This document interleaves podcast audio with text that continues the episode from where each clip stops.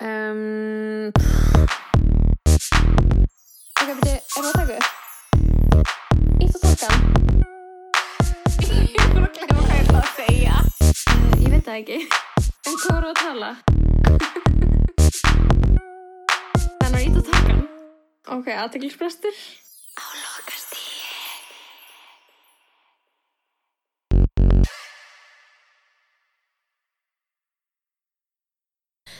Já, komið þið sæl og blessuð. Verið velkomin í þriða þáttu aðtilspresta lokasti Góðan dag, við erum hér í uh, stúdíó 101 101.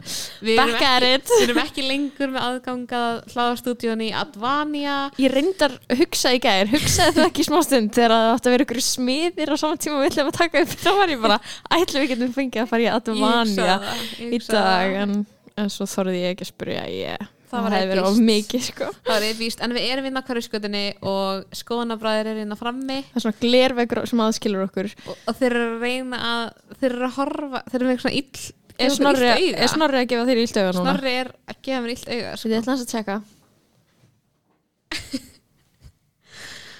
Og ég var að lífa. Anyways, ok, já, þú plataði mig, ég stóð Hérna- upp sjálfum Ég er upp ekkert sem ég fíla meira heldur en illt auga frá karlmanni. Crank.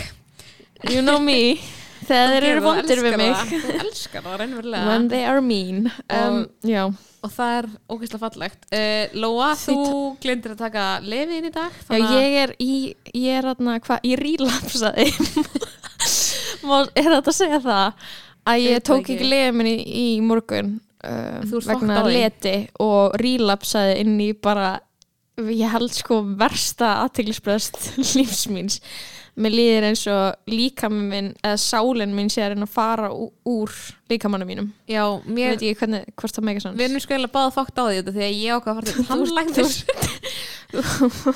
Ok, ég fóði tannlæknis rétt á þannig að við vorum að taka þetta upp pot og hún var eitthvað, já ég ætla að þetta deyfa þig. Og ég sagði get ég talað eftir það? Og hún eitthvað, já já, þú getur alveg talað. En þú munt líta illa út. munt líta út. Og það er það sem er að gerast núna er að ég hljóma og ég sé bögguð. Þú sko, það er eitt við það sko hvernig þú ert að tala svona deyfð er að þú ert svona eiginlega með gett mikið tussusvip. Og því að þú ert svona eitthvað að tala á þess að hreyfa og það er bara svona eins og ég fatt að það áðan. ég er alveg að segja þrefald oftar sorry heldur en ég ætti að vera að gera. Ég er búin að vera eitthvað uh, sorry ég en fatt þú það líka bara áðan þegar við vorum að eitthvað tala um eitthvað venjulegt og vorum að tala um eitthvað svona líf okkar skilur eitthvað svona að gerast eða eitthvað. Og ég var eitthvað að fatta að ég væri þessu sem allan típanum meðan ég var að segja. Ah, Þið þurfum bara að En- ímynda ykkur tussusvipin ég Fyrir maður inn í það borgaði þrátt og fyrir þú skall fyrir, fyrir það Speak on og, it og ég ætlaði að fara að skipta þið niður í svona raðgreiðslur og Like tannlæknir a minn sem ekki boss. þess kom fram og var eitthvað, hvað er eitthvað mikið þessin eða?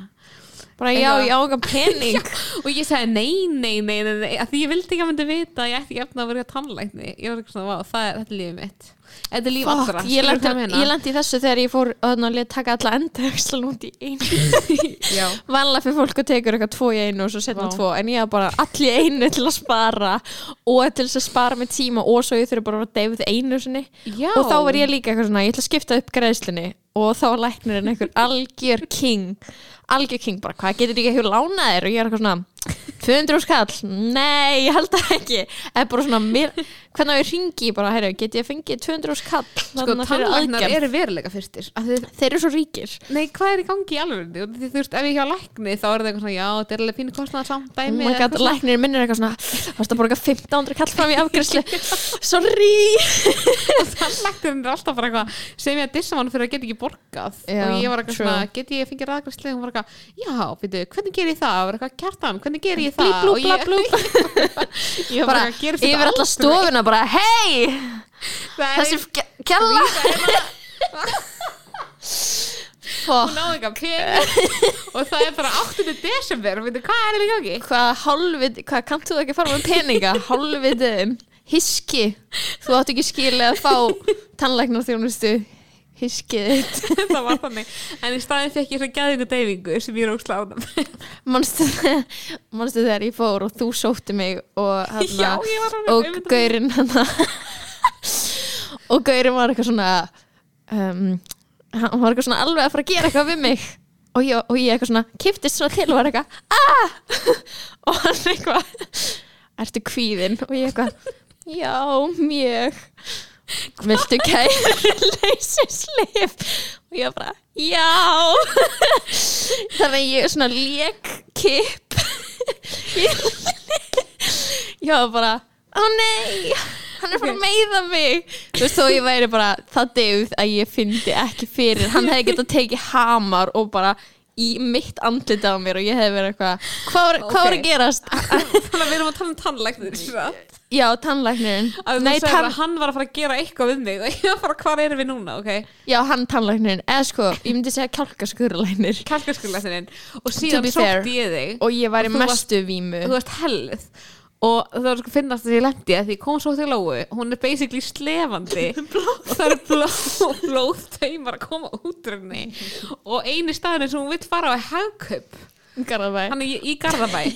Þannig ég skuttla henni í hagkaup í Garðabæ og ég þarf að svona leiðana þú veist, út um alla búðina. Og hún Ég kaupir var- ógeðslega mikið einhverju vegan svona dóti sem hún mátt borða með en fljótandi. Það er svona þótt já, bara og basically allan tíma blóðu í framan það var basically allir bara eitthvað svona heldur að þú værir í oh, ég væri svo mikil vímu. Það var svo mikil skilur út af því að sko hann var veisla. bara þú veist minningarna mínir að að láta taka enda Íslanda voru bara, hann mætir og þetta, þetta, í minningun er þetta tvær mínútur sem þetta tekur hann að gera þetta Mhm. sem kannski tóka hann gest þessum tíma kannski er hann bara mjög fær. En hann Mhm. eitthvað svona kemur, tekur törn og ég eitthvað finn ekki neitt og svo er hann eitthvað að taka aðra og hann eitthvað hvern, hvernig er þetta? Og ég bara setja upp rockmerki og það bara þetta er epíst það var þetta bara skemmtilegasta sem kom fyrir mig árið 2018 sko skemmtilegast að hefum komið fyrir mig er að fá kærlislif það er svo fokkin fyrir epíst festu fyrir hérna- fæðinguna? Nei. Nei, vá, það var geðveitt að við myndum gefa kærlisli í fæðingu. Það verður svona sæk og fann maður glæðloft það er maður fær the same. og það er eitthvað svona drunk. En ég hérna uh, fekk enga deyfingu fyrir fæðinguna mína af því ég elska sásuga þannig að ég, ó, ég var ekki hérna, ég, BDSM vibes. Já, ég fætti á björkina sem var ekki neitt svona í bóði í rauninni. Ég ok, hefði- ég skil samt af, af hverju er ekki neitt þannig í bóði á björkinni af hverju er ekki þetta að því að sko mændeyfing er eitthvað svona svæfingalæknir dæmi, og ég er ekki læknir í björkinni eða það hvað er ekki svæfingalæknir oh. veitu. en geta Ég ekki bara að sé húka sér upp með fæðingar svæðinga lækni jú, en ég held að það sé enginn að byggja um það í björkinni eða skilur, það er enginn eitthvað svona kemur inn og er eitthvað, mér langar að geta mikið að fæða hér en ég vil mændeyfingu eða þú veist, ég ok. veit það ekki. Ég, þetta er góð spurning sko. Get ég En- fengið mænu deyfingu þó ég sé ekki að fara að gera neitt? Já, er glæða, bara for the hell of it. Þekkir þú svæfingalækni sem getur þér nei, ok, það var það erfiðara. En það er sko glæðaloft að því sjálf skemmtilegt en ég hef ekki fróða en þá er bara svona líður eins og stókslega full I don't need that. Það er eitthvað svona gefið í fæðingu. En ég fekk kærleislið þegar ég var að fara í hálskillatöku og ég var svona nýjára og það var Ó. epist ég er búin að vera alveg til í það síðan sko. ég veit ekki alveg hvað aðgerð ég þarf að fara í. Andegsltöku greinlega Ertu með heyrðu, ég er, það verði að fara að taka það úr mér þannig að þá kannski byrði þið um að sækja mig og fara með Anna- mig hakk upp í Garðabæ. Leik, leiktu að þú sért ógjáðslega stressuð og þá býðir hann því sprautu. Sprautan er auka nýjúskall eða þannig, fjórstofskall eða eitthvað. Og ég hugsaði bara, worth every penny. Ok, herðu, hann að við þurfum að fara að máli máluna sem eru auðvitað bara our new patrons. Já, heyrðu, ok, finnast í heimi að pat, pa, Patreon pa, Patreon, Patreon, já. kom ekki í gegn það var under review gett lengi. Þannig að við sögðum í þættinum að það var komið í gang það var ekki komið í gang sem er bara mm. aðtilsfrestur á Veistu- lokastíð skilur bara. má ég confessa eitt sem ég er ekki búin að segja er en ég ætla bara að segja það núna í þættinum. Okay. ok, þetta er inboxið mitt. Þetta er alls konar e-mailar frá, frá Patreon. Og bara þú veist Patreon skilur fyrir eitthvað viku eða eitthvað þannig síðan var eitthvað svona ég var alltaf að launcha og það er under review. Og ég er eitthvað, ok, og svo myndi ég var alltaf að búast við skilur svona e-mail þar sem hann er eitthvað svona ok, við erum búin að reviewa, let's go. Og ég var að checka í svona, þú veist tvo sólurhinga eða eitthvað, var ég alveg gett mikið að fylgjast með og svo var alveg, voru kannski liðnir eitthvað, tveir dagar og ég var eitthvað svona alltaf að skoða e-mailum mitt, ég var eitthvað skrítið. Það er ekki, það er ekki nægt að koma og mér fannst þetta gett leðilegt og ég var eitthvað oh, ég sett þetta upp, bara why is it not working, talaði við Begga í skoðanabræðum hann eitthvað, ha, það kom bara strax hjá okkur. Og ég var eitthvað, uh, okkur er alltaf allt svona trekt í mínu lífi og ég var eitthvað vákveið búin að vera að fá mikið af auglýsingum. Og ég var eitthvað að fletta í gegnum allt e-mail mitt og ég var eitthvað eina sem ég færi auglýsingar. Ég var eitthvað, óh, aðvendan er svo pirrandi. Þá var ég bara inn í promotions posthólfinu og búin að fá þau e-mail á Patreon Já, og þegar ég var bara eitthvað svona búin að eyða öllum auðlýsingunum þá var ekkert eftir og ég var eitthvað wow, that can't be that can't be right og eitthvað svona fyrir tilbaka og ég kenni þessu alfarið þessu fucking Gmail appi um út af því að þá sá ég bara eitthvað herru, þetta er ready, let's go. Ég fekk þann post uh, fjóra DS. Og hvað, í dag er áttundi í dag er áttandi og þetta flög, þetta flög í gangi yfir helgina. Og fólk var að hrúast inn. Það er svo mikið veistla að ekkert hefur gert mig af hammingi sama í desember og, og raunverulega að fá a new patron og svo fæ ég svona lítið svona emoji sé, lítið svona party emoji. Oh my god, Sigrún Kristina Sigrún, Greta á ég les alltaf upp Já. þarna, það. Helga Ólafs Ragnæði Blöndal Queen um, Bibba Más Gísli Marsteinn King auðvitað, mættur Bergrún Andra, Íri Jóhans Bara- mættust, Anna Kristín sko. Andrea Braga, Hekla Elisabeth of course.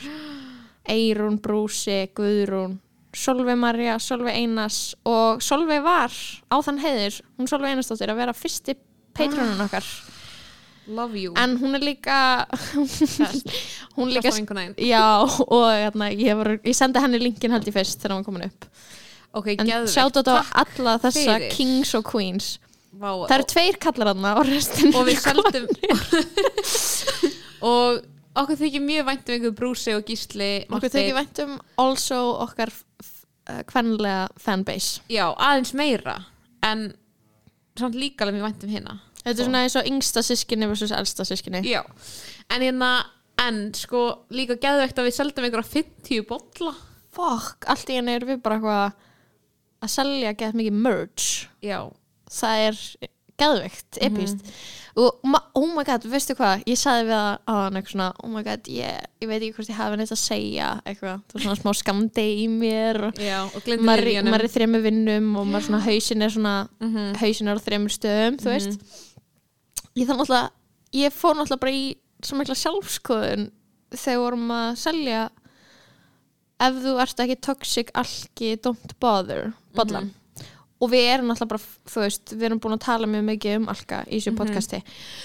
Og alkoholisma og mamma mín var eitthvað svona þú veist, mamma var eitthvað að skuttla mér þegar ég sendi þér eitthvað voice message og var eitthvað salka, eitthvað svona eða ég, send, eða ég skrifa inn að þú sendir eitthvað voice og við vorum, ég var eitthvað svona að segja eitthvað mér liður eins og þetta sé kannski ekki eitthvað svona ekki minn staður til að vera að gera grín. Eða þú veist, ég fór eitthvað að efast eitthvað svona hvort að ég eitthvað um, hvort að ég væri tussuleg að vera að gera eitthvað alkagrín skilur mm, og, og já, og svo eru náttúrulega einhverjir alkar og óvirkir alkar kannski búin að panta hennan bolla og svona hafa sagt smá liggur við bara. Já, ég held það. Virkir algar ég- bara pandina bolla. það er rétt sko, ekki að það við sem að reyna að expósa neitt, þetta er náttúrulega allt uh, secret sko, hver panta hvað.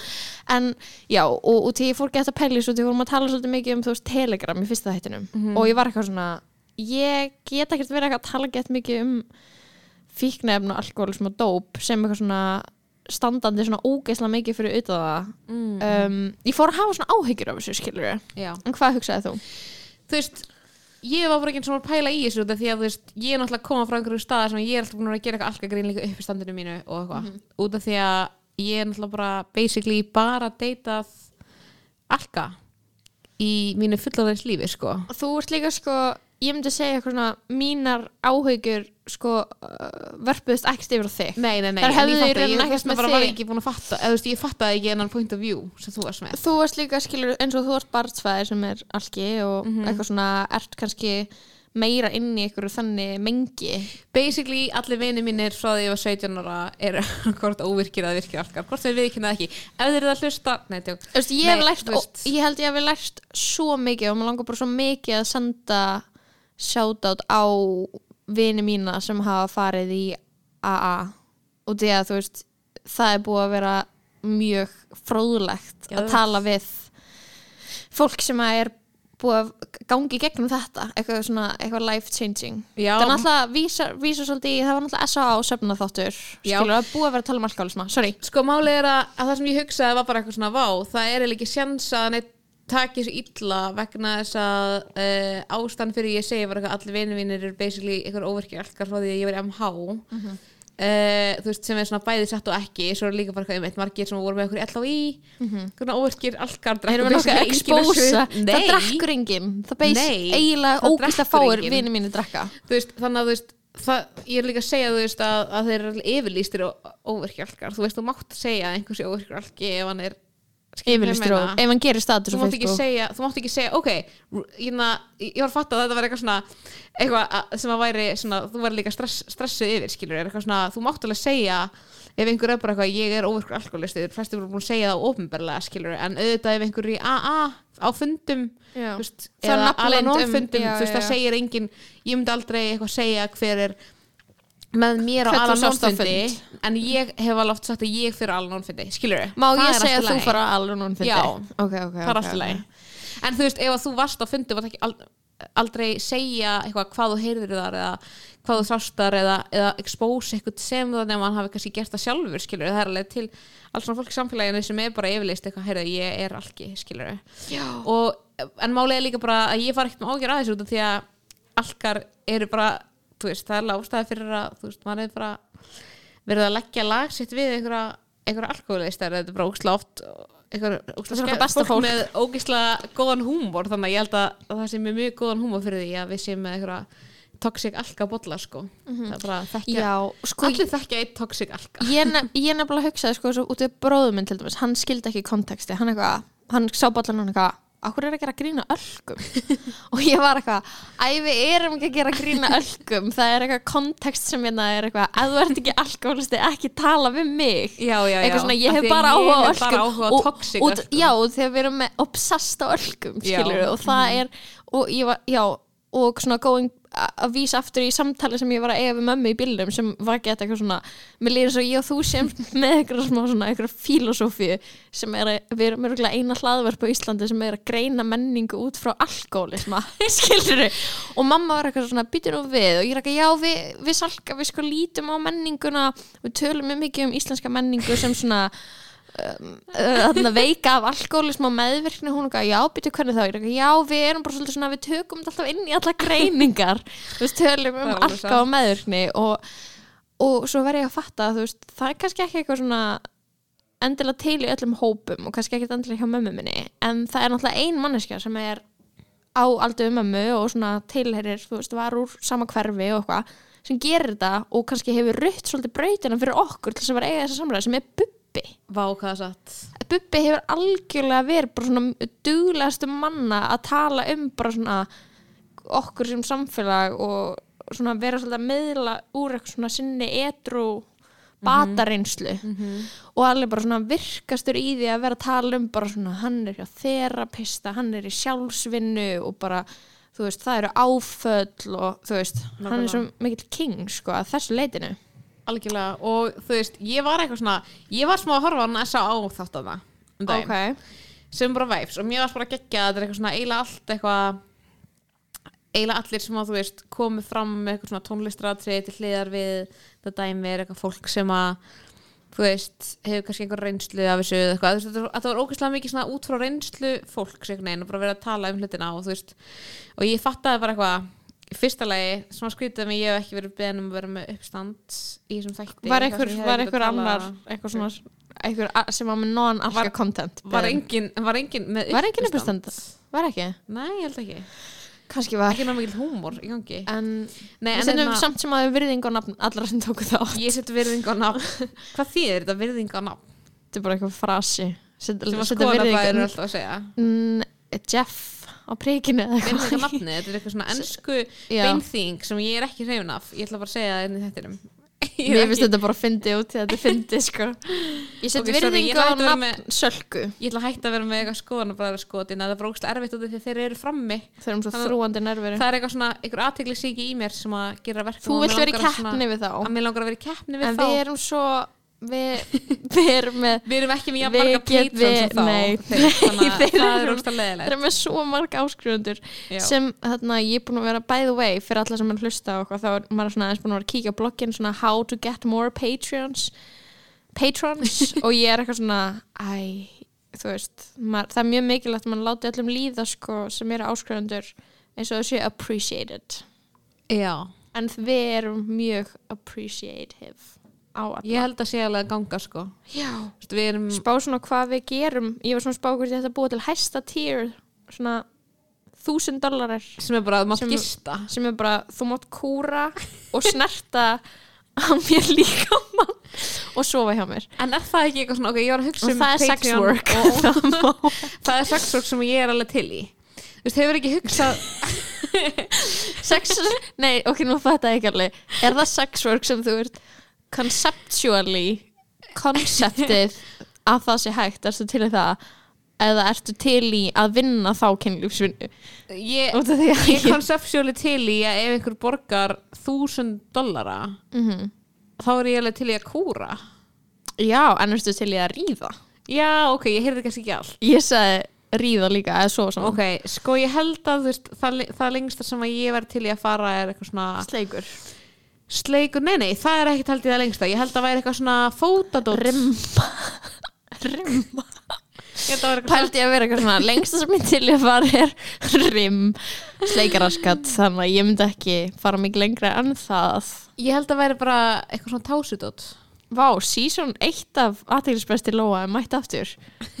Manstu ekki? Þeir var hann að Guðni TH? Nei, hvað? Ég veit það ekki, var eitthvað Manstu ekki? Þeir var alltaf með eitthvað kynlífsbrandara. Seg, Segðu það, hvað sagður einhverjum TH? uh, Ég man, ég sagði eitthvað svona Guðni TH að rimma. Og hekla var eitthvað svona ég vil ekki að þessi gefið út. Ég vil ekki að fólk fá að heyra þennan ó, þetta ógeð sem hann vellir upp úr þér. Akkurat. Veistla en King veistla, já ok sko, hvert maður er tilbúin að ganga í vændi, þetta er náttúrulega spurning sem að, maður þarf ofta að spyrja sig. En ef þú myndi vita hvað vændiskonum í Íslandi er að fá ég ætla að segja þér upp að hérna. Já. þetta er ríða þeim það í huga. 30.000 það er svo lítið. Það er fáránlegt. Það er svo ógeðslega lítið peningur. Ok, það er ekki lægi Ég veit það. 30 skall er svona uh, uppistandari tekur það ekki einu svona til að mæta í tíu myndur sko. Akkurat. Pælum Vá, stjætta, overðing Íslendinga nær langt sko.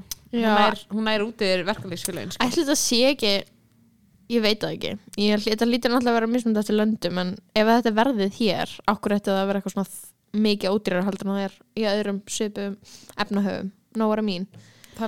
Ég held að það sé ekki eitthvað allir að fá, bara 30 skall. Ég, ég held bara svona að þetta sé eitt verð. Ég var aðeins inn á okkur vændisgruppu á Telegram Þessi telegram fík Hún þarf að vera Ó, tónn ég veit það, ég var einmitt í gæra að skoða. Hvað sendi ég þér aftur? Má ég lesa eina góða teleauðlýsingu? Hún Já. er finnust mm -hmm. Ok, trigger warning. Við erum að fara að tala um feiknefnum Hún getur skipað í 30 sekundur Er með tandur hennan gonna. Vel blöytur og þólur auðveldlega Tvo úti.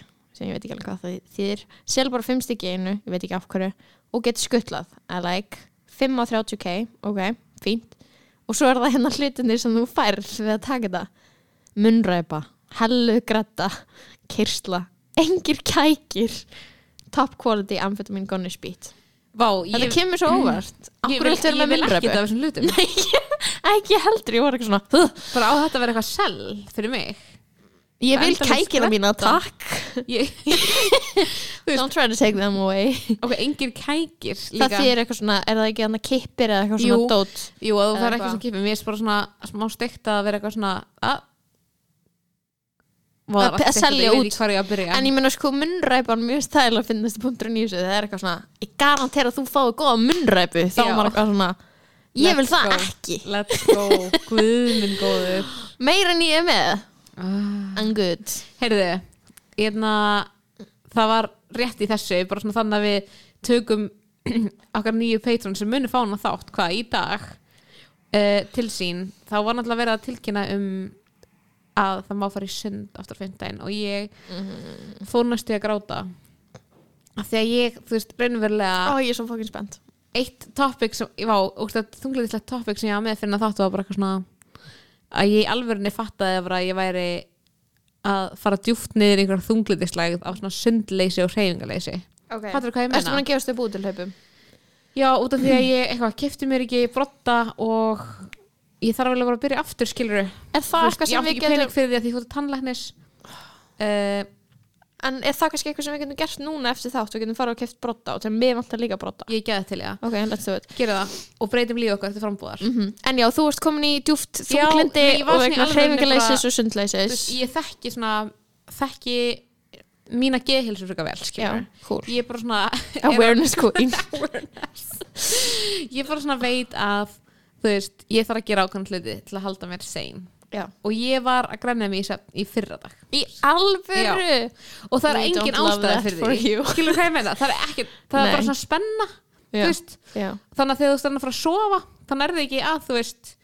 Nærði ekki að tjúna þig niður. Nei. Eftir einhver dag að því að gera ókslega mikið hlutum eitthvað að vera du, du, Mhm. þannig að þú enda bara svona í einhverju spennilósun sem í mínum tilfelli var í alvörni að bara svona gráta mig sér Ok, hvernig, var, hvernig tilfinning var það? Nei, nei, nei, en, ég- en það er bara svona, þú veist, ég fattaði þetta bara. Og svo bara daginn eftir þá vatnaði ég hugsaði bara, já, ég er ekki búin að fara í sundi eða að hlaupa í tvær vikur Ah, Ok, skilurðu. ok, ok. Þú veist, þannig að það er bara eitthvað svona eitthvað sem gerist, Um, true. Ég, hann að, má ég koma að hoppin í söguna hérna? Og því að ég, ég mitt hef grátið mig í svefn og, Mhm. og eitthvað svona og grátið og eitthvað, skilur og mér finnst alltaf lægi að gráta, sko. Ég hugsa ekki eitthvað gráta nú er allt fokk Nei, nei, mér finnst svolítið gott að gráta og til þá Algjörlega. hvernig næ, næ ég svolítið svona þú veist, losa og eitthvað. En uh, ég mitt var búin að taka mér eitthvað svona hlaupapásu út af fucking vondu veðri. Já. og uh, og svo fór ég út að hlaupa og ældi geðið mikið. Veist, í hlaupunum sko. af hverju? uh, óglatt sko. Og ég, þetta var svona fullkomin hlaupadagur. Það var ekki kallt, veist, það var ekki hálka veist, og bara svona allt sem var búið að vera að stoppa með að fara út var ekki in the way. Nema ég minn eigin líka með bregst mér. Á fjórða kílómetr erum við að fara upp brekku. Og Jón vinnu minn sem hefur segð með æla áður en þá í allt öðru samhengi.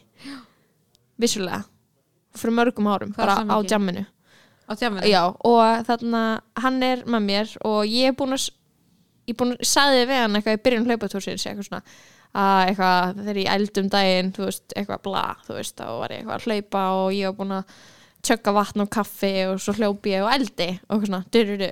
og svo erum við bara að fara upp túngötuna og það kemur batnafélskilda á mót okkur og mér líður svo vel að vera út að hlaupa lagsins Mhm. með buffum mitt og með hitt buffum hálsin eitt um hausinn og eitthvað. Og í 101 peysunum minni. Mhm. og það kemur eitthvað kall. Góðan daginn! Og ég er eitthvað á já, góðan daginn. Og svo bara og ég bara Jón. Og hann stoppar og ég bara þetta er að koma. Og svo bara og svo bara æli ég fjórum sinnum eða eitthvað. Bara eftir brekkuna.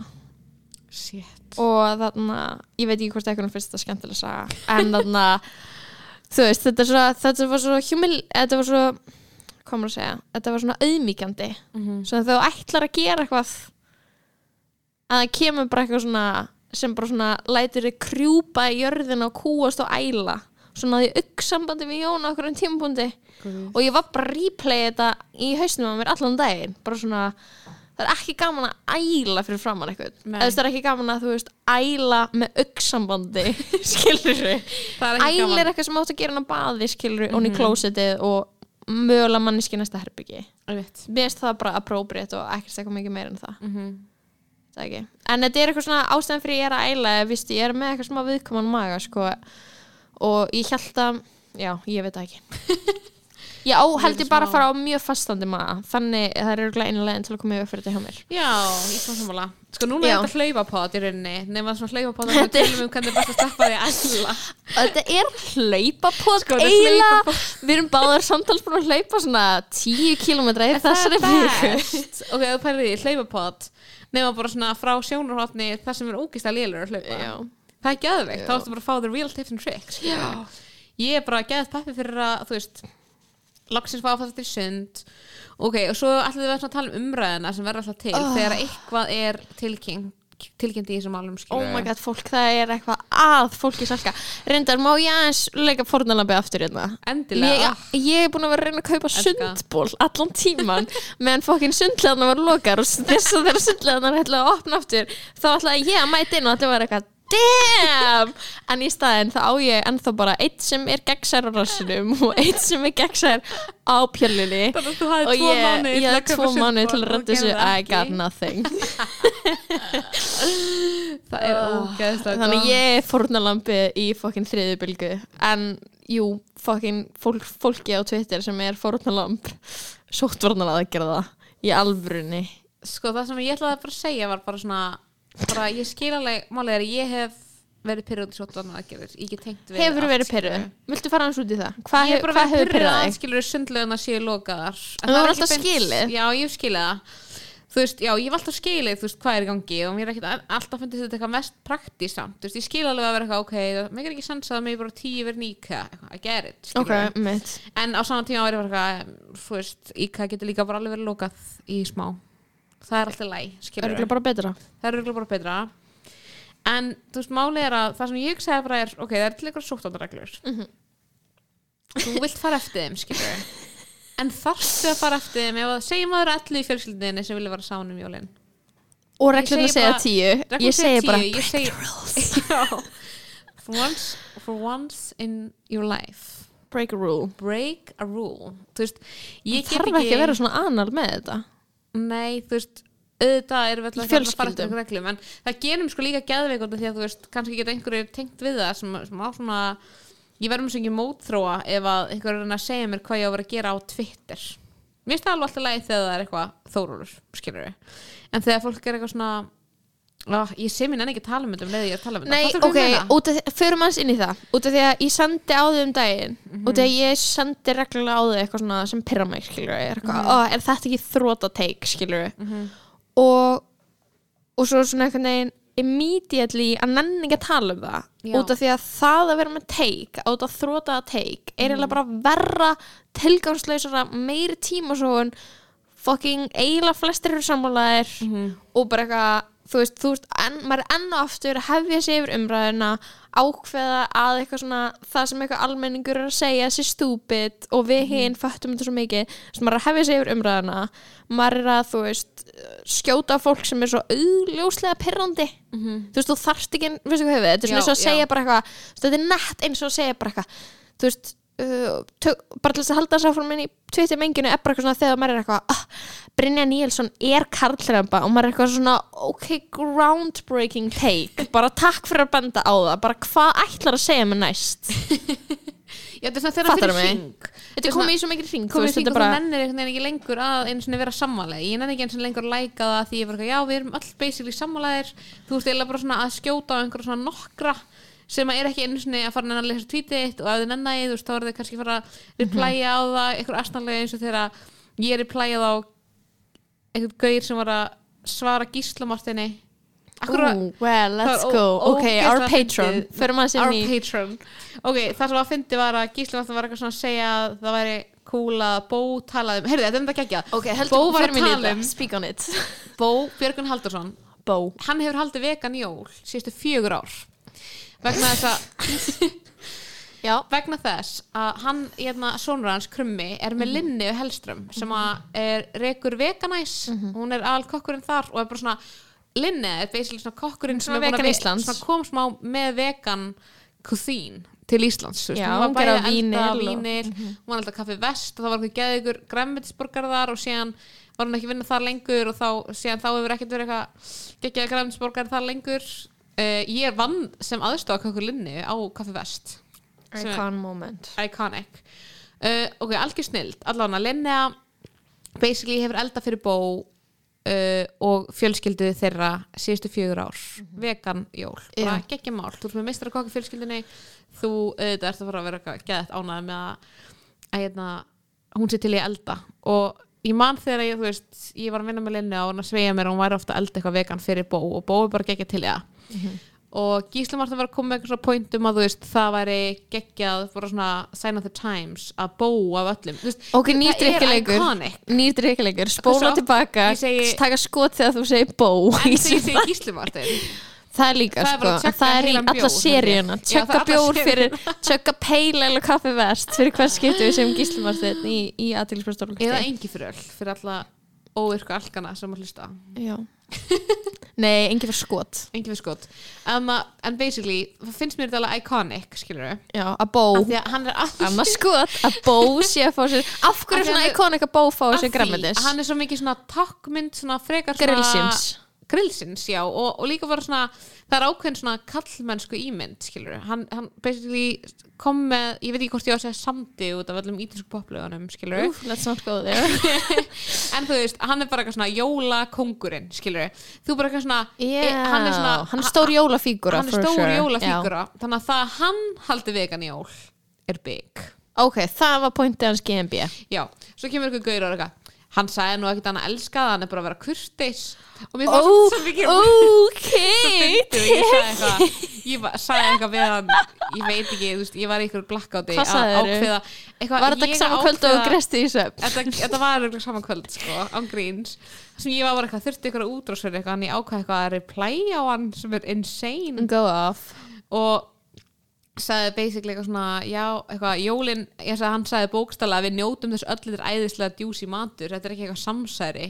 Að ég með svo fyndi að hann var eitthvað svona hann þaði það ekki.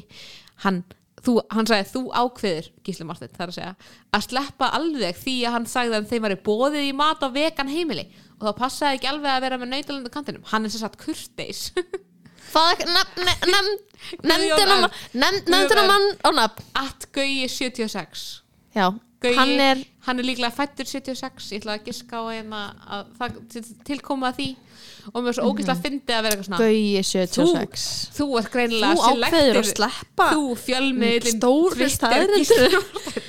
ákveður að sleppa því Ófæli vinnubröð að það var mjög augljóst að Jól er haldin heima að bó að því auðvitað er það haldin heima að bó því að ég held Oh að hann, god, þú segir bó einu sinni en út af því ég held að hann sé með mega jólahús Jólabó. ég ætla að googla.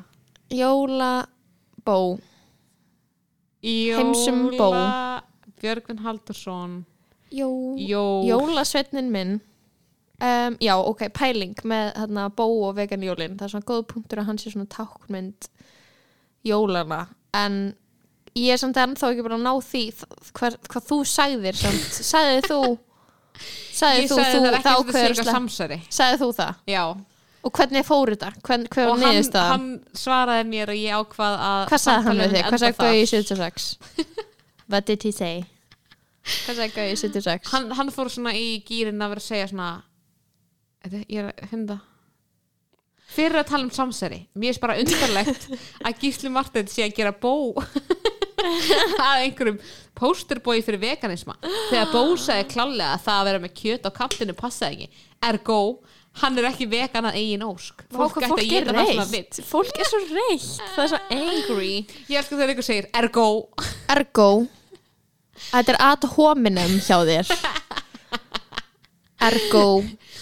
Og þar ákvað ég að láta staðanumið að því hugsaði þetta er ekki jafn mikið rakvall að saga samt og þegar ég fyrir að svara ykkur hægra fólki að enda því að læsa twitterinu mínu og því að ég er bara ratioed af ykkur fólki sem kausur viðreist oh, en the conheads. í rauninni sko þá er ég var svolítið að fara inn í uh, þessa orku sem er eitthvað svona þú, þú glemdi lifunniðinum mér líður þess að ég hafi glemt lifunniðinum eða hafi eitthvað lif í sér deyfingu er maður að skrítin eftir deyfingu?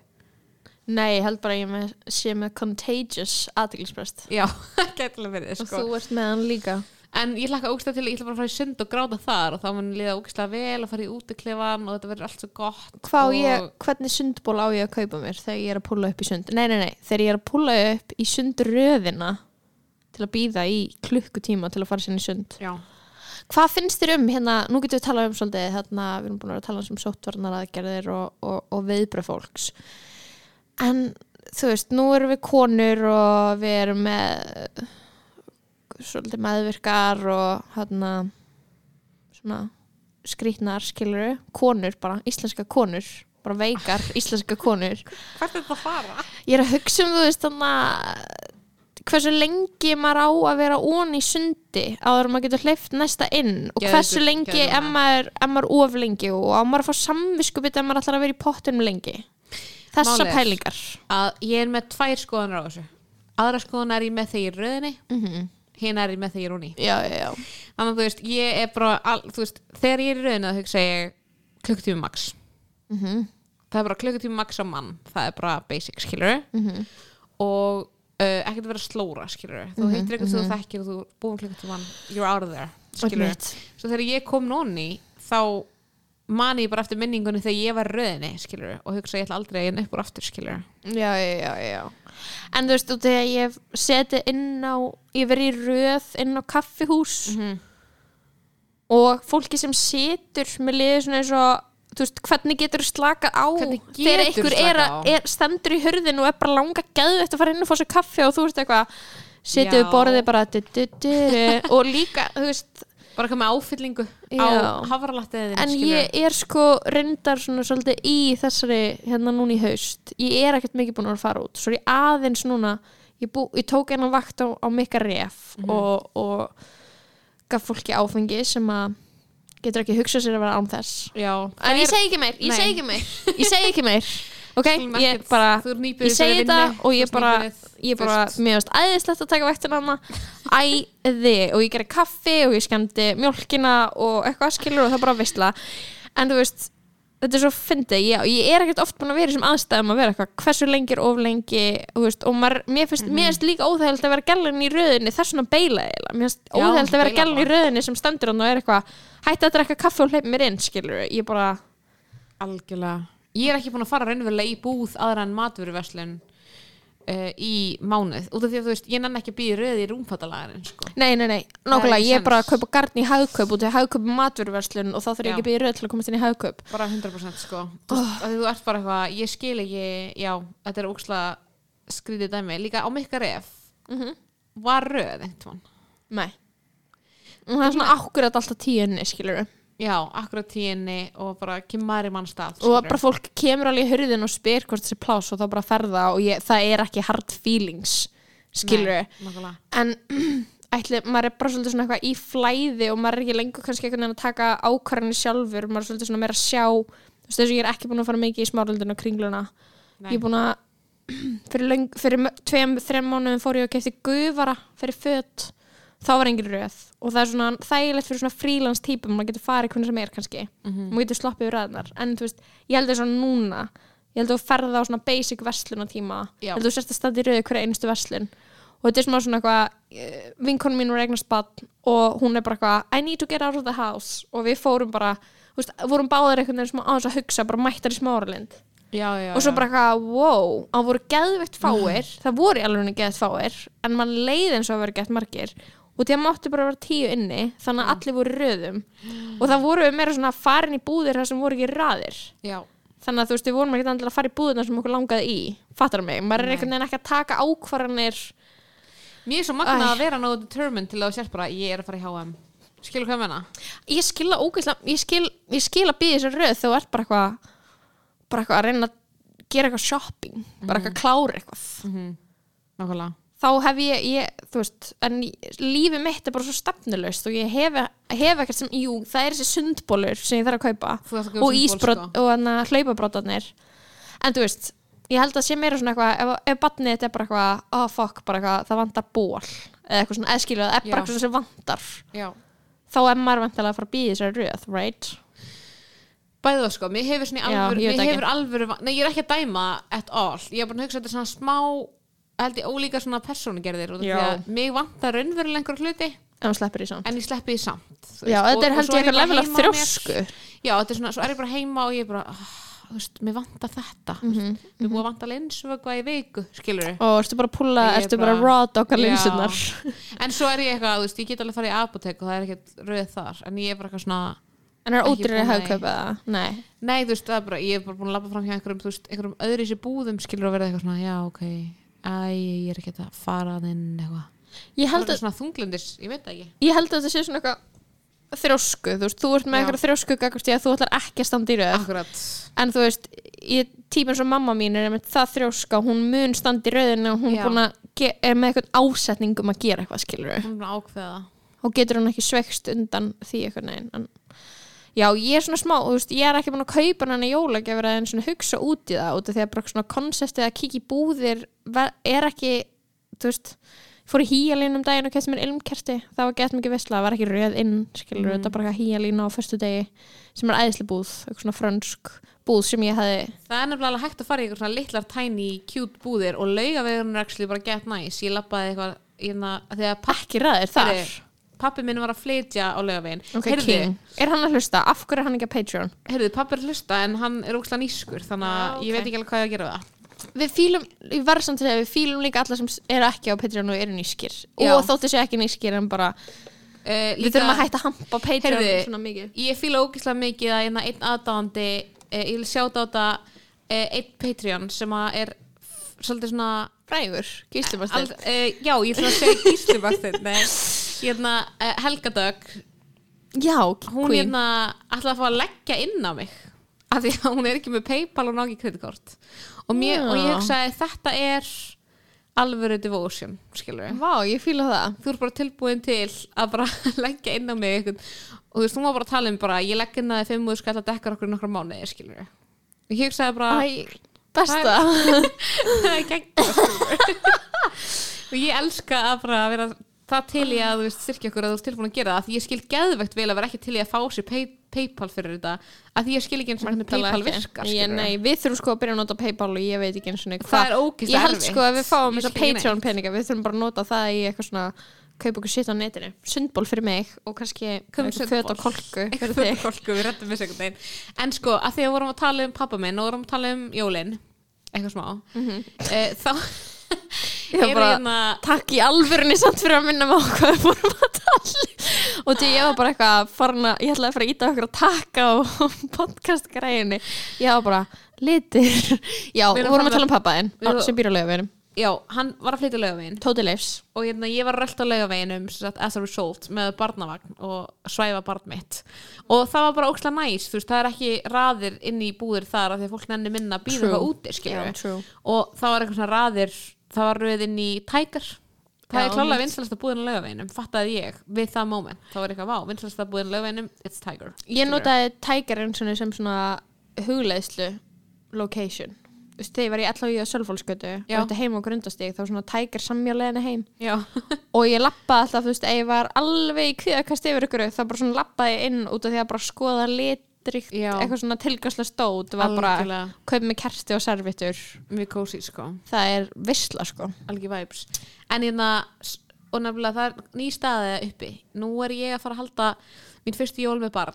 Sem Og- a mother. og ákvað að hérna, að ég myndi ekki fara nýtt á þannig ok, stór afstæða fólk er að drösla bönnunum út. Fólk er þetta slupað nút og ég hugsaði bara ég nenni ekki, ég ætla bara að vera heima og við bara eldum og bara komið þeir sem koma að vilja skilur þú veist, og verðið Já. Með okkur. Bara, og ekkert bara ég var að taka algjör bara tólspora kerfi aldarna skilur bara á það. Ok, ok, ok. Og hérna turns out að núna í fyrsta sinn árið 2020 síðan hvað árið 94 5 ætla ég segja uh, munu móðu mín og faðir nei, er það að fara að gerast? eigða jólunum saman. My god heima á mér. Oh my god, ég, ég fær hroll. Og oh my god, maður langar svo mikið að þið byrja eftir saman. Má ég vilja það?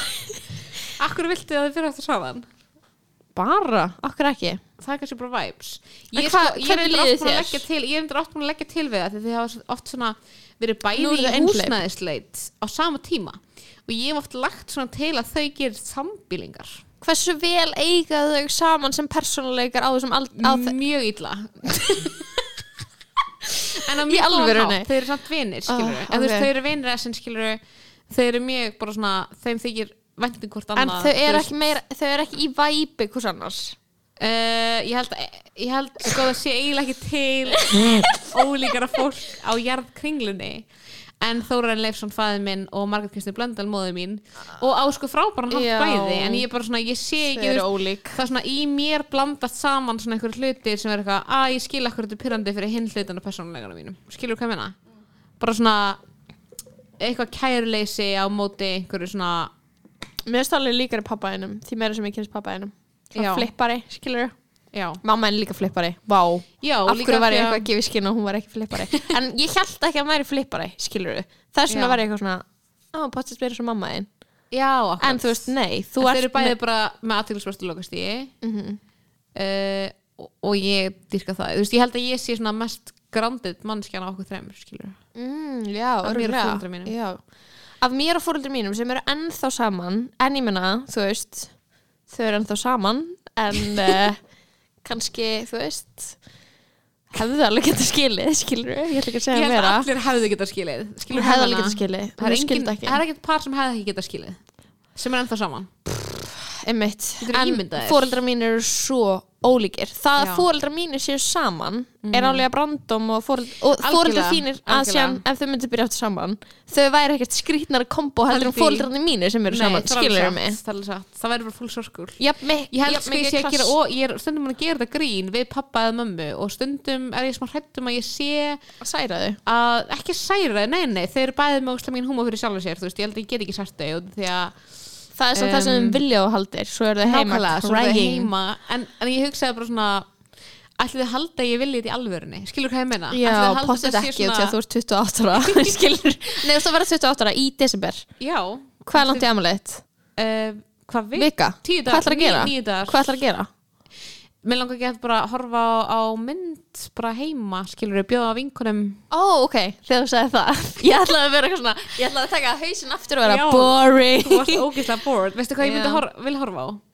Superbad The Family Stone, jólumyndina Veistu hvað mér langar að horfa á? Proposal, getur þetta ekki Family Stone og Proposal back to back vel gert það, því að The Family Stone er geðveik jólamynd það er bara besta jólamyndin Má ég koma? Er- er- Hvaða dag er já. þetta? Hvaða dag er þetta? 17. Ég ætla að desember. setja setja þetta í kalendar 17. Herru, desember. 17. desember henda mér raun fullkomlega út af því það er frábært að það er Ah, ammælistagurinn minn Ó, Jú, herru, það er eitt dæmi sem ég þarf að losa mig út úr fyrst Það henda mér ekki fullkomlega Ah, en á geðveikt, móti. bara geðveikt að hérna, við séum búin að stablisa það og hérna tíman að fjöldatakmarkun en á sama tíma það geta ekki allir komið sem hlusta á podcasti en það geta allir komið einhverjir sem hlusta Bó. Bó getur komið og Gíslumastir og Brúsi sem eru Karlkins patronsin okkar þeir getur komið. Þannig að uh, við tölum ekkert sem sjónvastætti í En- þessum þætti. finnst þér ekki iconic samt að fóldrar minn að fara að reunite á jólanum Jú, ég ég tók ég, ég snappaði yfir hérna þú veist, ætti að vera eitthvað drama eða, ég veit ekki Ég held að þetta verði bara veistla Ég held Já, að sé þetta er akkur all liðin nógu langur tími Já.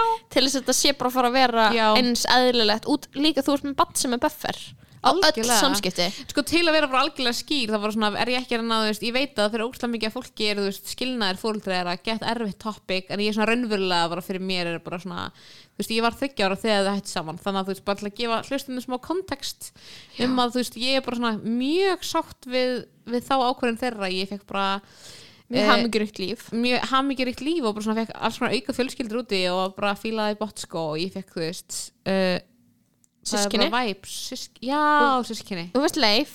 Fekk leif. Þú veist Kolbein og Vöku. Vöku sem hlustar á podcasti, eina af sískinu mín sem hlustar á podcasti Leifur er svona kortur í að byrja að hlusta. já, Leifur er kortur í að hlusta. En hann er bestur Fyrstu er í Ok, ef þið viljið fá, um Leif fá carrot, í svona smá, það er svona, örk í samband mitt og Leifs. Það var samband okkar á mjög viðkvæmum stað þegar við tókum við fyrstu ertu en í að þriðju seríu, Leifur Otto nýjara austubarskóla hann er nýjára, þetta er annars sem að þú byrjar umræði um Leif í podcastinu? Ég vil bara að þessi skjálfæst já, já, já, all, allt er góð. Bara örkin er svolítið þannig. Fyrstu seríu af podcastinu, það er 2019 þá sérst ár síðan ég hefði sínt útskiptverkið mitt og sári var hann þá opið. Já, og síðan þá hefur við náð að búa til samband já, sem að virkar skiluru og í raunin þessi atbyrður sem er hann að hekla mig á sviði og útskrift af sýningunum minn og lista áskóla Íslands hvað, þar sem ég er með 30 miljón krónar lán frá lín og þetta er svona culmination af öllu efforti sem ég hef lagt inn þá stend ég á sviði og litlu bróðið þinn heklar mig talar inn í sýninguna meðan hann er í gangi. To the point að við erum bara eitthvað þú veist bara leifur hættu. Og hann kemur tvísvar skilur höfum þá hreinu. Einu svona heklar hann einu svona er hann mjög stiltur og núna hef ég og leifur átt á 9-10 ára það ekki, er hann 10 ára? Hann er, ekki fættur 2010 er hann fættur 2011. hann, fæ- ok, hann, Hann er 9 níu ára. Uh, vá hvað ég var góð. Ég sagði það fyrst. Ég sagði 9 ára, Ég ég sagði 9 ára bróðið þinn. 100% sem þetta segir og og núna eigum við samband sem er bara byggt á vináttu og virðingu og bara það sem er í fortíðinni er í fortíðinni skilur við en það var, ég var ekki á þeim staði í seríu 1 Nei. ég þurfti að fara í gegnum kynnast honum upp á nýtt. Já, Fyrirgefa. Þú þurftir að koma í nafnavíslunum mína og spila fótbolta. Nafnavíslu dóttur minnar, skilur við Fyrst, fyrst, fyrsta skrifi ástinaði var þegar við tókum saman stræta úr gráðuróltinu og mutually acknowledgeum ekki tilvist hvers annars. Það var fyrsta skrifi og þá byggum við til clean slate eftir það. Og því að mér leið aftur örugur í og því að hann var ekki að fara að hekla mig til dæmis í strætó. En það sem hann gerði eins vegar var að hann kvíslaði vinnu sínum þetta er vinkona sýstu minnar og hann satt beint fyrir aftan mig og ég heyrði það. En við vorum bara, ég respekta þitt Já, space, þetta þú var- respekta mitt space við ætlum ekki að segja hæ Þetta var space, það var space á millikar Við gáðum hvort öðru space. Við vorum, til inn, við vorum inn í sama rýminu að gefa okkur stöður space. Og eftir það voruð þið til í eitthvað samtal. Já, og nú er sambandið okkar á bara freka góðum stað. Mjög góðum stað. og þarna, þannig að, já bara þykir vendum leif átt á bara fínt að Bara sjá þetta Explaina leifa það. þá uh, Og hérna, ég ætlaði að sjá þetta vöku sýstu mína sem, sem miðbarni sem hún er þá grófst hún undir lofi um leif sem líklega yngsta sískilvi uh, og þú veist Ég það er líka. en þannig er það að vera miðbarn og þú veist, það er bara það sem að þú veist, það er bara the name of the game, skilur já, þetta vá, er bara nákvæmlega sem gerist. Vá, þú varst að byrja að tala um vöku og þá er ég bara leifur Já, í tíu og þetta er mítur það sem kemur fyrir miðbarn á hverjum degi og ég vil bara segja að við hér í podcastinu allir er bara að lókast í, þú veist uh, Við stöndum ekki með Við stöndum Þú ert elst, ég er yngst. Við erum eru blindar, ekki við erum til fyrir blindar okkur. að eigin stöðu, það er ég að segja. ef, ef, ég, ég geti sagt að það veri þjóðfélagshópur sem þetta podcast veri ekki fyrir e, Þetta podcast, þetta er fyrir alka, virka, óvirka alka Þetta er fyrir listamenn, þetta er fyrir fjölmjölufólk Þetta er fyrir meðvirka, þetta er fyrir fólk í uh, þarna, sjálfstæðageiranum Þetta er fyrir verktaka, þetta er fyrir fólk sem er veikt af svona alls konar geðran vandamálum til dæmis alleglispresti, þetta er ekki fyrir miðubönd það er eins og við getum sagt. Það er eins og við Þetta er hópur sem við, ætlum- við erum ekki að servera. Og við lítum niður á. Og ekki neitt í samtökum atvinnulífsins ef, ef ég geti sagt ég verið með fordóma fyrir einhverjum þá að ég verið með fordóma fyrir miðböndum Er það, ég held að getur ekki verið með fordóma af því að þú ert ekki nógu mikið að pæli þú ert eitthvað í yngstabann heiminu þínum. Fordómanir Þú ert eru svona erasure erasure kind of fordómar. þess að þú ert eitthvað, hm, skiptir ekki máli. Já þetta er svona að stunda erasure á miðböndum eru raun, þú veist, duldir fordómar sko. algjörlega, mjög góð punktur mjög góð greining á svona eigin fordómum. Takk. En þýðir að, en þú, svo, ég er óslega ánað að samband þitt við nýjára gamlan bróðum minn Leif er á á góðum stað og þú veist, ég því miður mun ekki eða aðfangadegi með honum en bara, Æ. þú veist. Ég mun hins vegar eða að Þú- þú geta með leif. Vegna þess að þú og Leifur munið muni hérna borða saman aðfangadag og ég er óslega ánað fyrir ykkar hönd Það, já, ég er enda veit ekki alveg hvar ég ætla að vera aðfangdag Ég ætla að láta það koma mér á óvart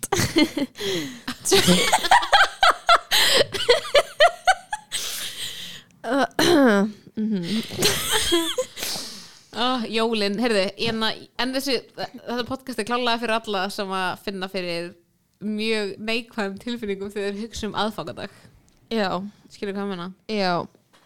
Ég snappa á mömmu um daginn til hún sagði mér mögulega að afi ætlaði að vera hjá fjölskyldu vinkonans og, mam, og ég, ein- ég tók svona sækokast þar sem ég var ekki að þau er ekki alvöru fjölskyldan hans.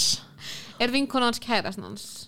Já, ég, í mínum huga þá verður alltaf verið platónst samband og ég Ok. held að sé það sko en þetta er svona partner neginn þegar hann er ný, nýraðir og eitthvað Ok, gekkja og þannig að hann verður kannski mögulega Ok. þar og ég var bara, mér finnst það ekki lægi hann var með fjölskyldinu sinni og allt í einu voru við frá að tala um hann eins og þú veist, ég væri mammans skilur mig, og Einmitt. hann væri að fara að vera með kæristunni sinni á jólunum en ekki fjölskyldunni sinni. Heyrðu, ég hef alltaf verið hjá mamma minni. Ég hef aldrei verið til í að taka einhver ákvörðun um að vera með makanum mínum skilur hvað menna? Já, nei, nei. Mér finnst það sem í Psycho Þetta er ekki dagur fyrir því. maka, þetta er dagur fyrir mömmu, mömmur. Vá, Ertu ekki sammála? 100% Af öllum dögum ársins þá er ekki aðfangadagur dagurinn þar sem það er eitthvað, ætla að setja makan Já, piece of shitið í fyrsta sæti. Nei, það er mamma nákvæmlega. sem er í fyrsta sæti, skilur Algjörlega, því ég og maki minn höfum alltaf tekið sameiginlega ákvörðum um það að við séum ekki tilbúin til að fórna að vera með mömmum okkur aðfangadagskvöld. Það er svo fyndið að smætta eitthvað manneski í lífinu en bara taka af henni nafnið og vera bara maki. Sko, ég, mér er búið að langa til að vinna með að kalla uh, kærasta minn barsföðu minn og það er allir mjög móti því. Já, er eins og þessi fráskilin. En mér finnst það eitthvað svo næs. Barnsfaðir. Ég þól ekki þegar fólk segir sambilsmaður minna unnusti. Eða Ég- þegar ég vinni segi segja þegar vinni mínu segja konan. Um kærustunum sína konan, ég er bara, nei, nei, nei, þeir segja frúin, Nei. Þeir segja frúin. Og þeir skilja ekki af hverju að pyrra mig. Ég er með frúna, ég er bara, hvað þarf að gera með frúnni? Frúnni. Jú, frúin ætlum, já, frúin emmitt Ég held að þetta sé ástæðan fyrir því að fólk glæði púsa sér saman þegar það búið að eigna spött saman að það er ógeðslega aðstæðanlegt að tala um einhvern mann sem þú átt bann með og segja kalla hann kærastæðin Þú veist, það hljómar weird, það hljómar off. Já, mér finnst það alltaf svo kjút þegar að þegar kærasti er til lengi út af því að nú, oh my god, ég get leitt þetta inn í umræður um bíómynd sem ég sá um daginn. Og þegar við erum ekkert að tala um TV eða film en ég var að horfa Crazy Rich Asians í fyrsta skipti.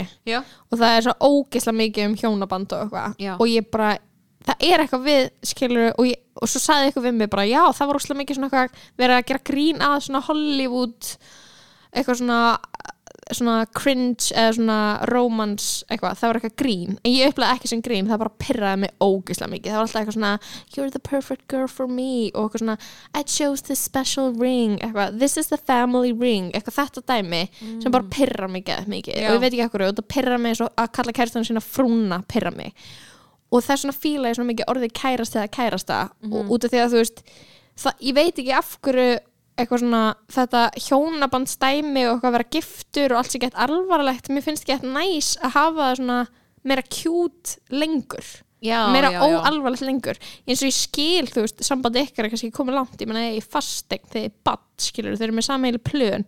En það er samt eitthvað svo kjút að vera eitthvað þetta er Kærasti, minn. Ég út af því að þú veist, í stæðan fyrir eitthvað þetta er maki minn, við deilum bankareikning við erum að rífast um peninga en þetta er líf, þú veist, fattar um mig skilur, og við erum bara eitthvað uh, þú veist, það er ennþá að þetta kjút, skilur bara ég, crush, þú dæmi, veist, ég nota kærasti held ég mest sko, mér finnst það bara stundum hljóma eins og við eigum ekki batt saman. Skilur hvað ég meina? já, Mér finnst það stundum svona implæja að við séum kærastupar í sex mánuði en það svo, skilur en það svo það svo fyndi með þetta kærast það dæmi er eitthvað svona að við tökum það ekki alvarlega eða skilur við, út af því að þú veist þú gætir alveg að hafa átt kærast það í tíu ár en eins og í þessari Crazy Rich Asians mynd það er eitthvað svona það er ekki real fyrir að þið giftist eða einhver segist vilja giftast. Og mér finnst það svo mikið bullshit, það, mig- það tryggur mig svo mikið eitthvað svona að sambandi er ekki real nema þið séu eitthvað bundin samkvæmt með lögum.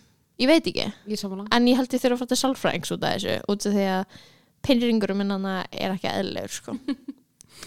Örglega sko, en ég er líka með smá mótþrá hvað hvort ég að gifta mig út af því að allir að segja mér ég að gifta mig að því á bann og, Og ég skil ekki af hverju. ertu til í það? langar það eða langar það ekki? Mér er aldrei langt til að gifta mig. Nei. Ever. Mér er alveg langar til að halda eitthvað partí. Eða skilur hvað ég meina, þú veist, ég var að hugsa um mér er alveg langar til að halda brúðkaupsveislu, skilur hvað ég meina.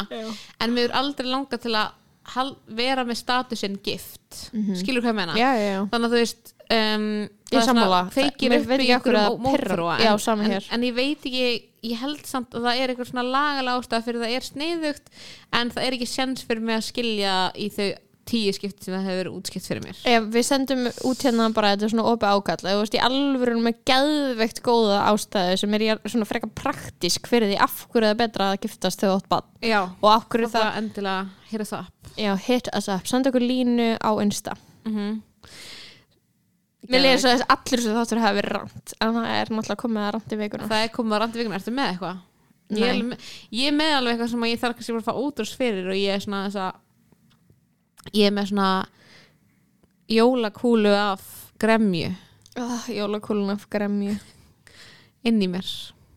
Uh, þannig ég er alveg, þú veist bara mega til ég að ranta. Ú, ég menn oh, okay. ég er að fá ógislan eilarhroll yfir því sem ég voru að hugsa um og hvað ég hata það mikið. Bleh.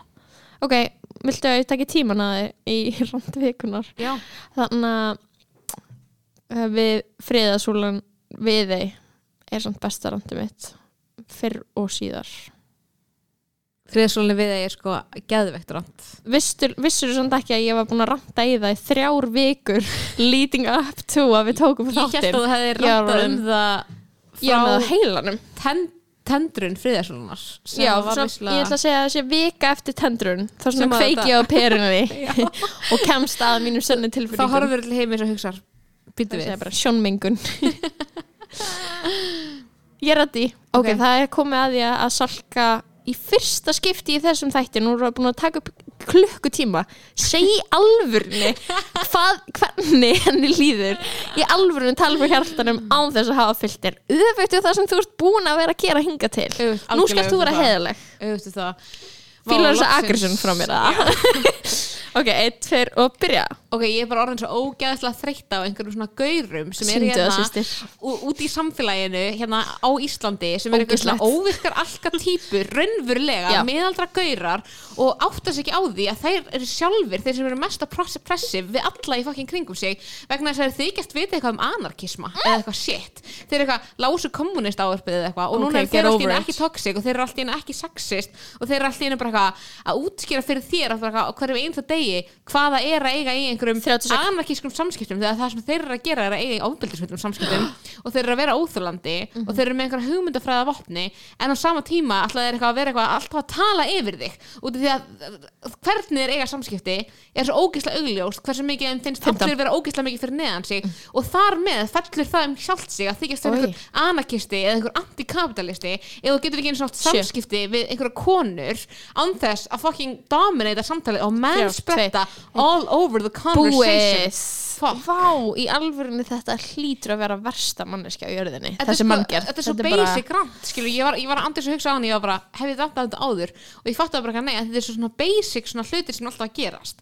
Er það einhver gauðir sem er bara, heyrðu, ég er með geðveikar hugmyndir um hvernig ég á að vera með eitthvað antikapitaliska hugmyndafræði hérna í þessu samhengi, skilur, mm hvað sem það er bara einhver samtök eða í einhverju vinnu ég hef unnið fyrir svona típu, skilur það þarf ekki svona að vera sko, það djúft eitthvað svona svaka antikapitaliska anarkísk kumdafræði það þarf rauninni að vera bara svona eins og þetta, er þetta mengi, þetta vinstra mengi. Já. það er bara, ég er vinstri sinnaður listamæður og þar af leiðandi er ég svo yfir alla aðra karlmenn haf, Já. hafin og konur en ég get einhvern veginn lift mér að koma fram út af því að bro, þú veist ég er vinstri sinnaður Mhm. ég er vinstri sinnaður ég er í hugmyndafræðilega séð sa, þú veist, sammála feminisma whatever, en samt alveg ég eiga abusive samskipti við allar konur sem ég þekki alltaf setja mig yfir konur sem ég vinnu með, skilur í vinnulega samhenginu, það er mjög mikilvægt. að ég reykja mér af því að ég ráði konur eða ég hafi ógeðslega oft unnið með konum þetta er svo ógeðslega svona basic veist, það er pyrrandi, við vorum að tala um feminisma náttúrulega í þessi þetta Mhm. þar sem að við erum svona oft einhvern veginn svona þú veist, ég finna maður er svona alltaf með árunum sem eru svona smá dangerous skilur þá byrjar maður að vera svona að já, basic feminismi, ég var að pæla í því fyrir fimm árum svona ógeðslega, maður byrjar að vera svona arrogant svo bara Mhm. svona, hittum maður einhver svona típu og maður fattar bara, já þú bara bara minni virðingu fyrir mér og þér finnst að, þetta er svona frekjukallinn skilur frekjukallinn. þér finnst að allir sé að vera ósangjarnir eða enginn sé að skilja þannig að við erum öll sammála þér. Og Já. þú, þarft, þarft aldrei að svara fyrir það sem að þú, Þú ert aldrei að lúffa, mátt aldrei aldrei að út af því að þú ert með svona higher purpose eitthvað svona higher purpose sem er aðra. Þetta er svo hættulegt. Svo ógeðslega, þetta er svo vannþróska ego skilur, og þetta er svo hættulegt út af því að þú veist, það er ekki, það er ekki hægt að eiga eðlileg samskipti, það er ekki hægt að eiga eðlileg samskipti um það sem þú ert eitthvað svona herru, ég sé þetta skiptið í máli en við ætlum samt ekki að gera það þannig út af því að við hérna hópurinn við ætlum að fara í aðra átt. En í staðin að fyrir öll orkan í að hlusta á þessa mannesku að er gasa, með. Hún er alltaf með. Grípur all, alltaf orðið, alltaf Já. að tala. Alltaf með orðið, alltaf með fleiri rök til að segja, alltaf með fleiri vinklaði að ég sé bara ekki að skilja hvað mannskan sé að segja í rauninni, skilur Já. þetta er alltaf þannig. Bara ég ætla að segja þetta aftur þannig þú skilur mig. Já, ég æli. Ég æli sko ég æli. Og þetta er sko ég ótrúlega æli á þetta. Ég var líka að hugsa eitthvað svona Ég held að það sé bara alltaf svona ógæslega mikið vandamál ef að þú heldur að þú sért einhvern veginn getur ekki haft rámt fyrir þér. Það er alltaf bara að reysa vandamál að því ég er svona átta mér svo mikið á því að þú veist, ég held að ég áttum á því að ég, sé óge, ég er ógeðslega mikið bessu þessar, skilur þess vegna er ég bara eitthvað þú veist, í podcasti að vera eitthvað ég ætla að segja ykkur einhverja skoðanir sem ég er með. En svona um þannig ég hef alveg hugsað eitthvað svona um leið verið kom, þú veist, þú er komin í eitthvað svona samengi þú verður þig á þegar þú ert að vera það skilur Já. ég held að sé allir með eitthvað bestur í, sér, það er allt í góðu skilur þú þarfst að átta þig á hvernig þú ert bara svona ekki að tak, ná tökum á því. Bara þegar þú ert pushing it þú sko. ert bara pushing it og þú ert ekki átta þig á allir eru búinir að heyra og skilja það sem þú ert að segja. Þú ert að samt að halda áfram skilur líka bara af hverju kannski er þetta eitthvað kannski þurfa konur bara að vera meira svona. Kannski er þetta svona hashtag konur þurfa bara að vera döglegri að. Nei, en þú veist ég er bara að hugsa skilur af hverju, þú veist, ef ég væri í ykkur samhengi þar sem að fólk væri bara ekki að taka marka á neinu sem ég væri að segja myndi ég ekki bara fucking beila mm einmitt. Af hverju þarfst að vera að reyna að láta alla hlýða þér að því þið finnst þú svo mikið hafa rétt fyrir þér að þú ert að fara að springa já Það er Vákvað að það var ógeðslega mikið losun að randum þetta já, það var ógstlega ég er bara góðu, að ég það. hugsa Ég er núna bara jákvæðar viku. Já. hugsanir gagvart þessari mannesku núna Já. ég er bara eitthvað þeirri fyrirgefið já, það líka þú veist, þú getur alltaf grafið nú lengi þannig að þú fattar nák, eða þú veist þess að þú getur svona sirka fatta að það var það er þetta við þig eða þú veist, það er þetta í þér sem gera verkum og þú ert svona Mhm. Og bara það er úrslega leðilt fyrir þig. Að þú þurfa að burðast með það. með það. Já, veist, þetta er náttúrulega ultimate, eitthvað svona gúrú hróka afstæðan, skilur, en þetta er svolítið bara eitthvað þú veist með þetta vandamál. Bara, þú veist, Sko- eitthvað er leðilega við mann og maður, bara, maður getur verið bara eitthvað þú veist, það var órökkur ég vil líka bara meina að núna er þú veist að að rand vikunar s- þurfa alls ekki að vera þannig að þú veist að sé eitthvað svona neikvægt sem kom út í stundum þarf maður að hleypa ykkur út sem maður bara good ég er mjög mikið þannig. Já, ég þarf aftur bara mm segja eitthvað ljótt í smá. Og svo ertu góð. Svo það er góð. náttúrulega Þessu það meika sens, sko. Anger management. Nú, sko, ég veit ekki ekkur en ég er að fara inn í eitthvað svona basic rant líka, sko. Mjög basic. Ok, I en love við talum bara svona season one kind of basic, sko. Ég Viltu taka tímann elska hjá mér? hvað þú gerir mikið greina með season 1 og 2 Já, season 1 Virkilega. við vorum alltaf með gesti já, og við vorum í ógeðslega miklum galsa. Í season 2 þá vorum við í third trimester af óleitinu inni. Og býtur þetta season 3 vissur það ekki? Geðveikt. Sí, Ég þannig að við gerum pásur á millið þess að ég var á Spáni. Í Já. klefuferð held ég. Þess að horfa á fólk út á götu? Já, Veistla. ok ég er, er- ertu tilbúin, Já, ég- einu mínúta. Ok, já, Einn. ég tveir. Og byrja. Ok, stelpur, núna, já, ég er búin að fatta að þið vitið að þarna, ykkur langar að taka þátt í body positive hreyfingunni, ykkur langar að vera með og ykkur langar að segja að stelpur sem eru feitar séu líka heitar. En mér finnst bara mjög fucking leðilegt að þurfa að láta ykkur vita að þið eru ekki feitar og ég nenni ekki að sjá ykkur krumpa ykkur saman á ykkur fucking bikini og vera eitthvað, ég er líka með svona fellingar og ég er bara eitthvað, bitch, þú ert ekki með fellingar.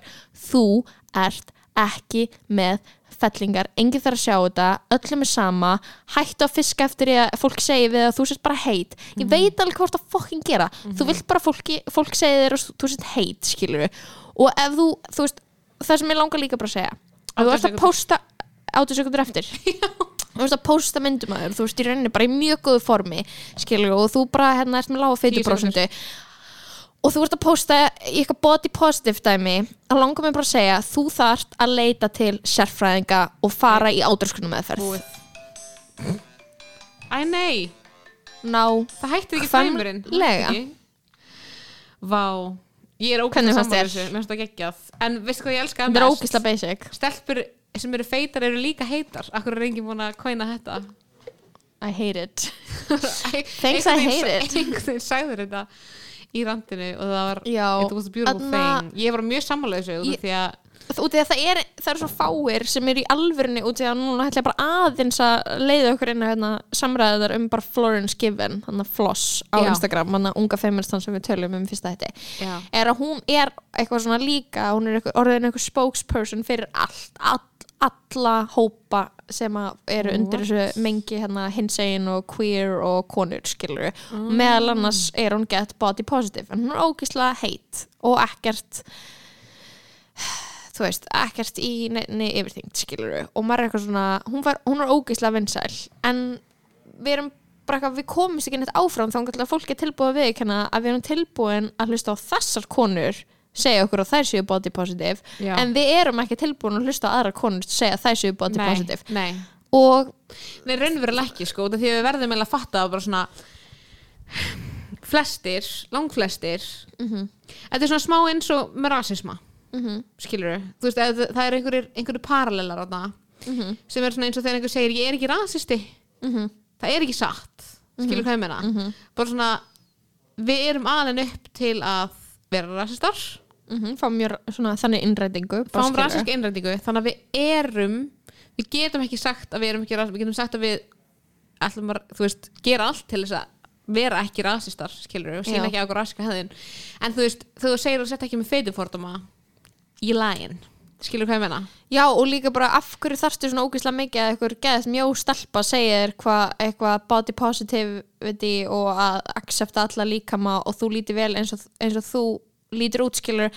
Þegar eitthvað segir við þig sem er, lítur geðveikt vel út og er bara svona samkvæmt öllum vestrænum ferustölum heit er eitthvað svona by the way skilur allir líkamar eru fallegir þá er ég bara eitthvað sorry en Já. af hverju heldur þú að þú þurfur að segja eitthvað um það? Já, þegar þú veist, þú þorir ekki eins og sjálfu að vera það feit. Já, þú augljóslega ert það ekki og langar ekki að vera það. Þannig að flott hjá verið- þér að komast á þann stað að og það getur alltaf verið sagt við þig að líka með þinn sé fallegur. Eða, þú veist, það sem þú, þú þarft ekki að accepta neitt já, við sjálfa þig.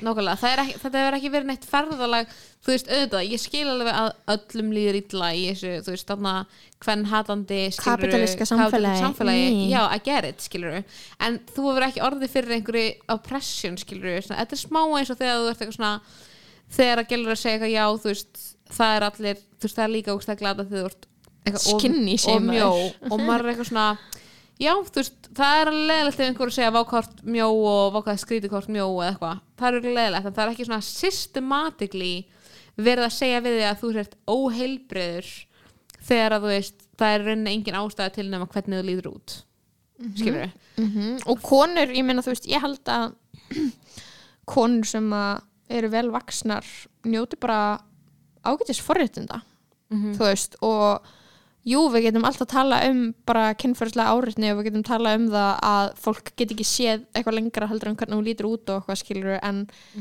þú veist jú, eins og sagðir að já, öllum líður ítla í þessu Já, kann hattandi nákvæmlega, samfélagi veist, og ég meina það er náttúrulega bara eh, þannig skilur við gengur rauninni ádröskun upp er að Mhm. þú veist saman hvað sem mjóð þú ert þá ertu einhvern veginn haldin þeirri veist, þá ertu alveg vissum að þú sért ekki nógu mjó skilur en en þú veist samt með forréttindi Mhm. og það er bara svo fucking innantómt að hlusta á mannesku sem að lítur ókslega vel út vera að væla.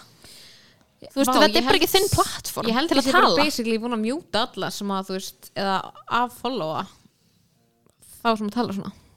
Skilur hvað ég meina? Já, þú veist, ég er ógeðslega tilbúin að heyra þetta frá þessum konum kannski, kannski verðar óléttar kannski þingjast þær, kannski eitthvað skilur, kannski breytist líka með þeirra drastist. Þá er ég ógeðslega tilbúin að, jú, þær með að deila því journey, en á meðan þú ert bara skilur þú veist, þú, mynd, þú veist, á meðan þú ert ennþá bara eitthvað að samkvæmt öllum stöðlum bara ekki heit, þá bara svona finnst mér þú bara að vera ógeðslega fokkin leðilega að vera eitthvað að inserta inn í þessu umræðu.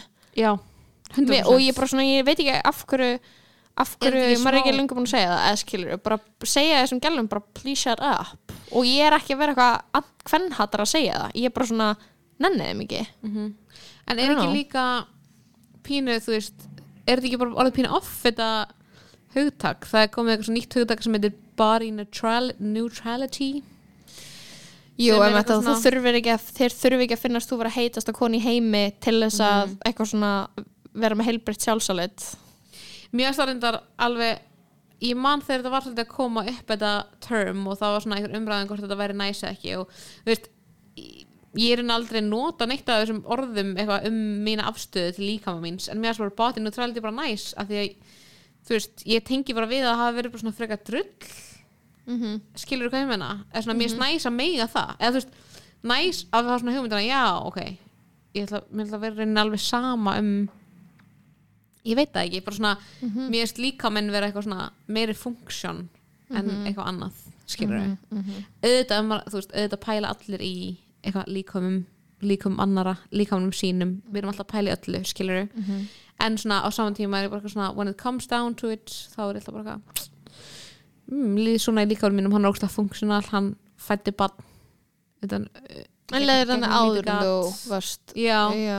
mér er alltaf liðið þannig sko það er svona pínu, pínu svona fyndið þú veist að En er, ertu kannski að einhverju leiti þá bara búin að disassociata til þess að þurfi ekki að vera að gæti Að nefnilega verið, fara sko. inn í eitthvað, líka sem er erfitt. gæti alveg smá verið eitthvað svona dæmi eins og þú veist eitthvað, stelpur að vera, vera eitthvað ég er tomboy og ég ætla að fara inn í eða skilur Mhm. svona þi- því ég hef líka alveg verið þar sko, ég hef líka alveg því er unglingur verið eitthvað svona, heyrðu ég fíl, eða þú veist því að fara í svona þrönggelluföld til þess að vera bara, já, ég ætla, ég ætla að remúva mig frá þessu já, feminine narrative. Og núna finnst mér alveg gaman að þú veist, að fara í myndatökum með finnist mínum og láta mála mig og þá, þá svo langt fara í tímabil blowout. ógeðslega langt tímabil þar sem ég neitaði að reyna að gera eitthvað effort til þess að lúka heit. Já, alveg bara þóngli var svona komin yfir tvítugt. Já, var ég bara eitthvað það er eitthvað sem ég ætla ekki einu svona að reyna. Já.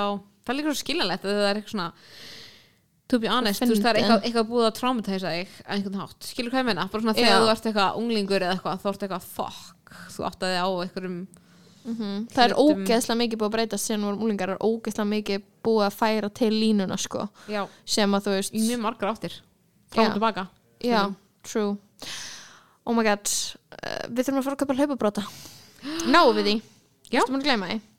ég var ekki að glemja við náði 100% ef það er ekki röði í einhverja búð, hvert erum við að fara? Íslensku ó, Íslensku alparnir. Eða ok, þeir ættu, við ættum að vera sponsored að út því að við erum alltaf að tala um íslensku ég er alpana. alltaf að tala um íslensku alpana og hvernig Hlaupabrotar. hlaupabrótarnir þeirra eru bestu hlaupabrótarnir Blæst bestu hlaupabrótanir það er það sem ég er alltaf að tala um í þessu podcasti. Uh, þetta er hlaupapodcast, þetta er alltaf famously hlaupapodcast.